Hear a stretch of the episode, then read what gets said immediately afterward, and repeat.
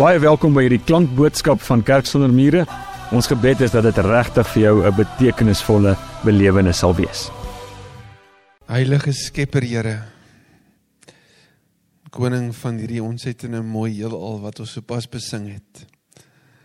So baie dankie Here dat dat U vanuit hierdie groot groot skepping soos Psalm 8 vir ons sê reg in die middelpunt daarvan die mens kom plaas dat u wat dit alles tot bestaan geroep het een van ons kom word het om vir ons te wys hoe ernstig u is oor ons. So bitter bitter baie dankie vir u woord. Dankie Here dat dat ons regtig vanuit die Bybel, vanuit u woord elke dag vars en nuwe nuus hoor. Dat ons 'n 'n ou bekende gedeelte dalk lees en dit dit ons opnuut opval dat dit wat hy daar gesê het dat al is dit letterlik duisende jare oud is dit asof u dit so pas gesê het. So vars en nuut is dit. Kom inspireer dit weer eens vandag. Here God in ons lewens in sodat ons elkeen opnuut kan hoor wat u vir ons wil kom sê. Daarom wil ons ons lewens oopstel voor u en bid in afhanklikheid van u asseblief Here God van hierdie groot skepping wees aan die woord. Ek bid dit in Jesus se naam. Amen. Amen. 150 psalms beskryf vir jou en my 'n geweldige groot verskeidenheid van emosies. Die lekker daarvan is dit help ons en dit gee vir ons woorde vir daardie tye wanneer ons nie woorde het om dit self uit te druk nie. Hierdie psalmboek is in in vyf verskillende dele gegroepeer. Elke een van hierdie vyf verskillende psalmboeke binne die 150 begin die eerste 5 daarvan met 'n fokus op die teenwoordigheid van God. Psalm 1 tot 5 kom sê byvoorbeeld vir jou en my, maar maar om in die teenwoordigheid van die Here te wees is 'n heerlike lekkerte. Ek bedoel jy beleef die Here so naby aan jou omdat dit letterlik vir jou is soos om 'n 'n boom te wees wat geplant is by waterstrome wat op die regte tyd vrugte dra. As jy by hom is, dan wil jy nie in die kring van spotters sit nie. Jy wil net naby hom wees. In Psalm 2 en 3, 4 en 5 beskryf almal hierdie ontsettende mooi wonder van die teenwoordigheid van die Here en soos ek sê die lekker daarvan die die oggendpsalm Psalm 3, die aandpsalm Psalm 4 en so voorts. Die tweede Psalmboek vertel egter 'n ander storie. Psalm 42 tot Psalm 72 se fokus is op die afwesigheid van die Here of dit wat ons soms beleef. Die eerste 5 boeke of of psalms van hierdie tweede psalmbundel hoofstuk 42 of Psalm 42 tot 72 kom vertel vir jou en my die die moeilike emosies wat ons soms kan beleef wanneer dit vir jou voel asof die Here afwesig is. Psalm 42 en 43 was oorspronklik een psalm geweest. So reken al die geleerdes wat ek raak gelees het. En die interessante is, hulle reken 43 staan op sy eie omdat 43 anders as 42 is, want Psalm 42 is 'n binnegesprek. Iets het gebeur in hierdie Psalm skrywer se se lewe. Ons weet nie wie dit is wat dit geskryf het nie. Ons weet nie wanneer hy dit geskryf het nie, maar ons weet trauma het erns sy lewe getref. Hy's in moeilikheid. Waarskynlik in sy geval is hy in ballingskap. In jou en my lewe kom trauma ook in. Die woord trauma se oorspronklike beteken om gewond te wees. Wanneer moeilikheid jou lewe tref, jy kry on on weet onverwagse nuus. Jy jy het 'n siekbed wat wat nie stop nie. Jy het 'n verhouding wat wat beëindig word wat jy nie gesien kom het nie. Jy het 'n werk wat jy gedink het jy het nie meer nie. Daai daai dinge wat in jou lewe kom en dit wond jou en jy wonder en vir gelowiges is dit amper erger. Want as jy as gelowige seer kry, dan is dit nie soos enige ander persoon wat wat moeilikheid het wanneer wanneer trauma tref nie. Nee, jou eerste vraag is Here, maar waar is U? En en dis waarby ons vandag gaan stil staan. Hoe maak ons in 'n in 'n wêreld wanneer wanneer geloof vir jou 'n moeilike ding is om aan vas te hou. En is goed vir ons om hieroor te praat. Ek is maklik om oor die ander goed te praat. En is lekker. Maar ons moet ook praat oor daai dinge in ons lewe wanneer geloof sukkel. Wanneer jou geloof vir jou moeilik is. So ons gaan Psalm 42 en 43 vandag saam lees. Jy is welkom om dit te volg. As ek dit reg het, gaan dit op die bord ook wees. En uh, andersins kan jy in jou Bybel gerus saam volg. Psalm 42. Mens, waarom so in vertwyfeling vir die koorleier 'n gedig van die Koragiete? Nou Korag lees ons in Numeri 16 van was iemand wat gerebelleer het. En in sy rebellie teenoor die Here, in sy opstand teenoor die Here, het hy sy lewe verloor. Maar God skryf sy storie. En dis nie mooi elke keer as ons in die Bybel kom kyk na God wat sy storie skryf, die feit dat ons droog maak, stop nie die Here se storie nie.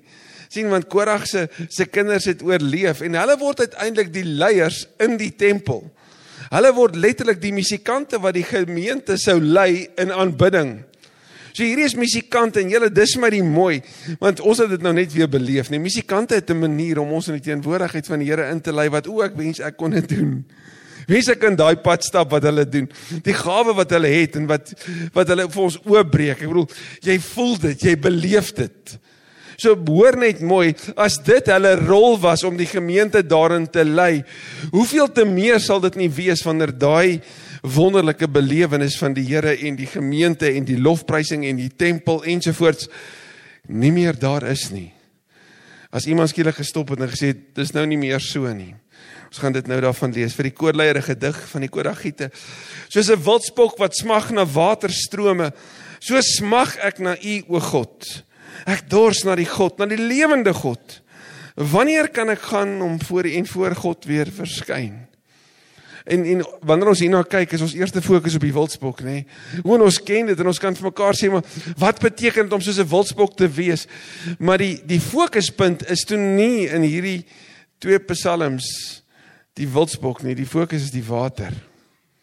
Om te dors na lewende water. Want ons sal sien dat op hierdie oomblik is al wat hierdie psalmdigter proe is die trane wat sout en bitter is. Hy mis en verlang na die soete water van God se teenwoordigheid. Hy sê Here, wanneer kan ek weer teruggaan om om naby U te wees? So hier in sy binnegesprek sê, maar ek wens so dat my situasie kan verander. Ek wens so ek kan weer na daai plek toe gaan waar ek so diep en naby in die teenwoordigheid van die Here is. Maar hy is nie. Want hy's in ballingskap. Ons gaan sien ver verwyder van Jerusalem af. Op 'n op die verste afstand moontlik van daai tyd in die antieke wêreld van wat hy sou wou wees by. Hy wil by die tempel by die Here in Jerusalem wees. Maar hy's ver weg en hy sê wanneer gaan gaan die tyd kom wat ek weer naby aan U kan wees? Dag en nag is ek in trane. Want sonder ophou sê hulle vir my, "En waar is jou God nou?" Sien hier's die moeilikheid. Hierdie psalmdigter beleef die ongemak van sy situasie. Hy beleef die verlange na die Here. So persoonlik het hy hierdie seer Maar nou raak dit erger want sien daar's teenstanders wat nou vir hom kom sê en so waar's die Here nou? Jy weet hierdie Here wat jy nou vir ons kom sê het ons moet aan vashou. Hierdie Here wat julle vir ons gesê het julle aanbid. Daar's niemand soos hy nie, dis hy. Hy hy's die enigste God. Ons moet vir hom voor hom buig. En waar's hy nou? En dag en nag beleef hy hierdie foltering, hierdie hierdie swaar in sy gemoed want hy moet hulle in die oë kyk wat sê maar waar's jou God nou as die dinge nie uitwerk soos wat jy dalk sou verwag nie. As die rooi stryk hier nie mooi omkom en ons mooi om kan vasbind en jy sien alles het pragtig uitgewerk nie. Waar is hy nou? Sy binnegesprek gaan verder. Ons sien vers 5: As ek my lewe voor my laat verbygaan, dink ek daaraan hoe ek opgetrek het na die woonplek van God toe, voor 'n skare uit na sy huis toe geloop het met gejuig en lofsang, 'n skare wat fees vier. Wat hierdie psalmskrywer probeer doen is om sê in sy binnegesprek probeer hy onthou na tye van toe dit beter was. As moeilikheid jou lewe tref, dan wil jy so graag hê dit moet vinnig beter voel. Jou eerste woorde gewoonlik is sê net vir my wanneer gaan dit oukei okay wees? Wanneer gaan dit weer normaal voel? En vir hom om uit hierdie plek van ongemak te kom, onthou hy die verlede. Hy sê oor dit was lekker geweest. Onthou jy toe ons daar in die tempel was? Onthou jy toe ons voorgestap het toe die massa agter ons aangestap het en ons musiek gemaak het en die Here geloof het? Onthou jy ons feeste en ooh Israel kon fees vier. Hulle het sewe groot feeste per jaar gehad. Maar hulle het gereeld fees gevier. Dit was deel van hulle van hulle leefstyl. So wat hulle gedoen het. Nou is dit weg. So terwyl hy onthou en die soete herinneringe van die verlede het, het hy die bitter realiteit van nou. Hy probeer om vanuit sy herinnering aan die verlede sy emosie van heidaglik beter te maak. Hy wil net beter voel. Hy wil net weer hoop kry. Nou weet ek ek mag nie die die Nieu-Seelanders noem nie, veral nie na gister nie. Maar die Nieu-Seelanders het 'n baie nice stelling. Hulle sê hope is a swimming thought. Hulle sê hoop is 'n gedagte wat nie kan verdrink nie. Hoop kan jy nie aftrek onder die water en hom onderlos nie. Hy het die vermoë om altyd weer na bo te kom, want hoop sal selfs die storms oorleef. Maar op hierdie oomblik beleef hierdie psalmskrywer sy gebed word nie beantwoord nie. Hy beleef dat sy hoop is besig om al hoe minder te word. Hy beleef die teenkanting van hulle wat hom bespot al hoe meer. So sy emosie trek al hoe meer af. Dit lyk beroerd by hom. Daarom die eerste van 3 van hierdie refreine. Hy vra vir homself, "Waarom is ek so in vertwyfeling?" Hierdie woord vertwyfeling in Hebreëus is die woord hama en hama beteken waarom kom jy in opstand? vir al die ouer mense hier, jy sal die woord murmurering uit jou kinderdae kan onthou. Vir al die jonger mense, moan. Waarom is ek besig om te moan? Waarom het ek hierdie monolitis? Waarom is ek so ongelukkig? Dit sal van tyd tot tyd vir jou en my goed wees om bietjie te luister na wat ons hier binne vir onsself sê. Want sien ons het maar monolitis, nê? Ons is in Suid-Afrika, ons weet hoe om te moan. Ons moan oor alles. Ons het vandag weer op ons groepie gesien toe die krag afgaan. Kyk, toe die mense gemoan in pragtige taal. Mooi, hoopvolle, pragtige wêreld. O, ons kan murmureer. Kyk, as daar 'n goue medalje was vir die Olimpiese spele het ons hom gevat. En hier sê die psalmdigter vir homself, maar hoekom is ek besig om so so te stoei? Hoekom is ek in vertwyfeling? Waarom kerm ek so? En nou sê hy vir homself, hy probeer vir homself hierdie hoop weer bring.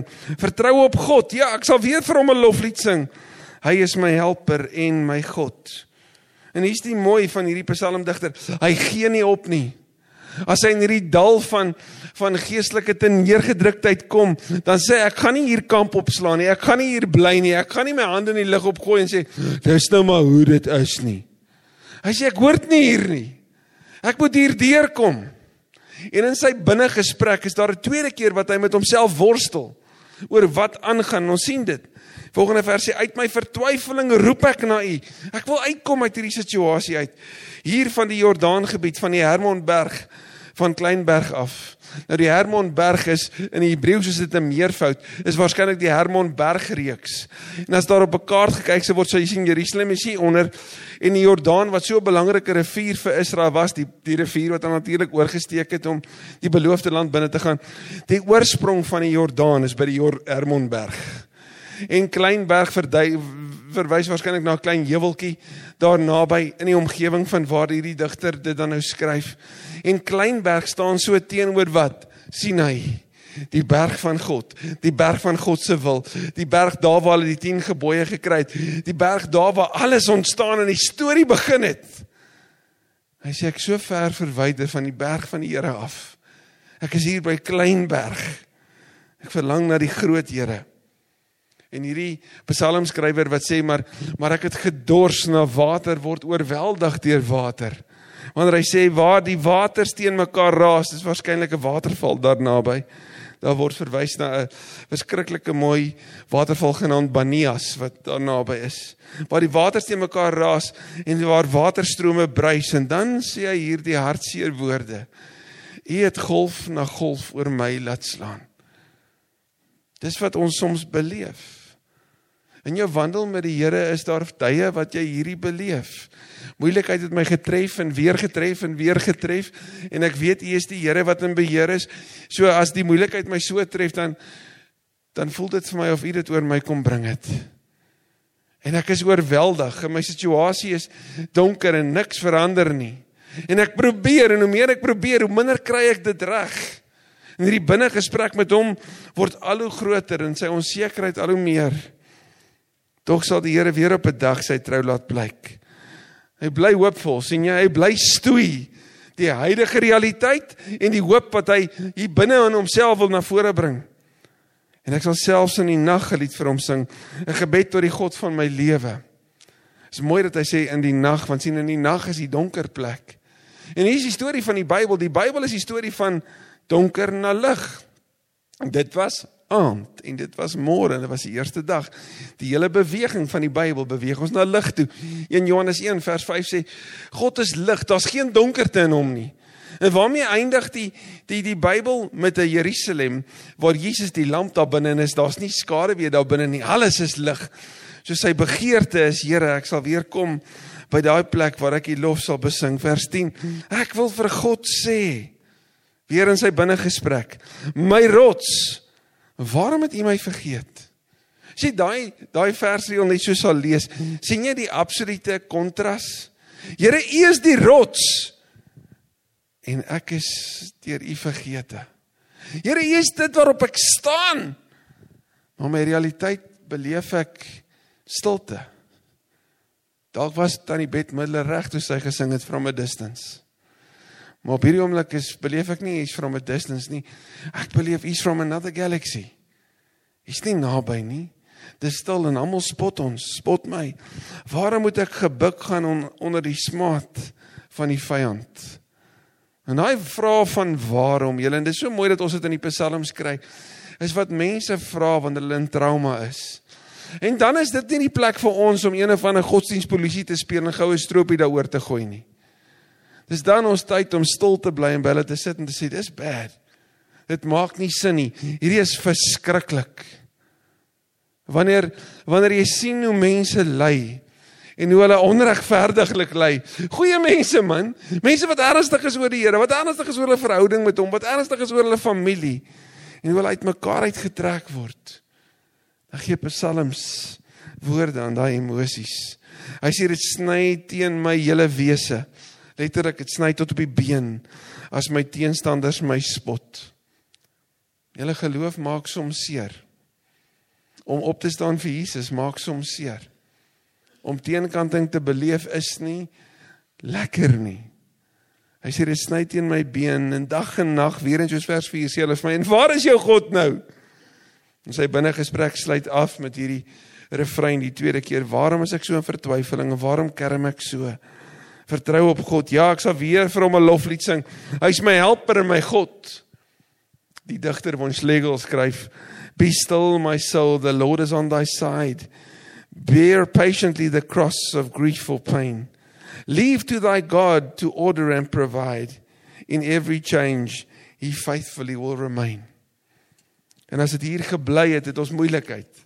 Maar sien die die skrywer se se se se mooi bedoelings het hom uiteindelik by 'n plek waar hy waar hy nie 'n antwoord het nie. Sy binnegesprek bring hom terug by hierdie maar ek twyfel, hoe nou? Daarom Psalm 43. En jy sal sien Psalm 43 begin sonder 'n opskrif want hy sluit aan by die vorige. Psalm 43 sê: "Laat tog reg aan my geskied o God." Nou is hy nie meer besig met 'n binnegesprek nie. Nou begin hy met die Here te praat.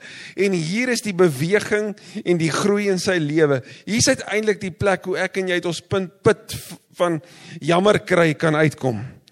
Wanneer ons dit wat ons hier binne beleef, wat ons so met onsself die hele tyd oor praat, wanneer ons begin om dit vir God te sê. As jy na Job gaan die gaan kyk, gaan jy sien Job se storie. Hy sê vir die Here 'n klomp goed. Ek wil dis omtrent 'n 38 hoofstukke se se klaag wat Job worstel mee. En ons sien in die in die in die boek van Job is beter om verkeerde dinge vir die Here te sê as die regte goed oor hom. Want sy vriende sê dalk al die regte goed, maar uiteindelik kom sê die Here maar nee. Job het geworstel en met my gepraat. Hy sal vir julle intree, hy sal vir julle bid. En hier begin die psalmskrywer. Hy sê: "Laat tog die reg aan my geskied, o God, behartig tog my saak teen 'n godlose bende. Red my van vals en misdadige mense." Hy beweeg vanaf klaag na gebed. Hy sê: "Here, ek kan nie, maar U kan. Kom red my, kom kom handhaaf my saak. Net U is my skuilings, my God." En dan sê hy vir die Here: "Waarom verstoot U my dan?" As jy Jeremia gaan lees, gaan jy sien Jeremia sê op 'n stadium, Here, ek kan nie op U reken nie. Dis in die Bybel, julle. is in die Bybel want dit skryf die Bybel steek nie hierdie belewennisse wat mens van tyd tot tyd kan hê weg nie. Die Bybel kom gooi nie 'n strooi, weet 'n mooi sousie oor en kom sê alles gaan pragtig wees nie. Die Bybel is juist daar om vir jou en my te kom sê dat daar ook moeilike tye is, maar daar's hoop in die moeilike tye. Want God is daar. Net hier is my skuilings. Waarom verstoot jy my dan? Waarom moet ek gebuk gaan onder die smaad van die vyand? Stuur u lig en u waarheid dat u my lei en my bring na u heilige berg, na u woning toe. Here, bring u lig sodat ek kan teruggaan na Sinai toe. Daar waar ons u aanbid het. En kyk mooi hoe beweeg hierdie psalmskrywer dan.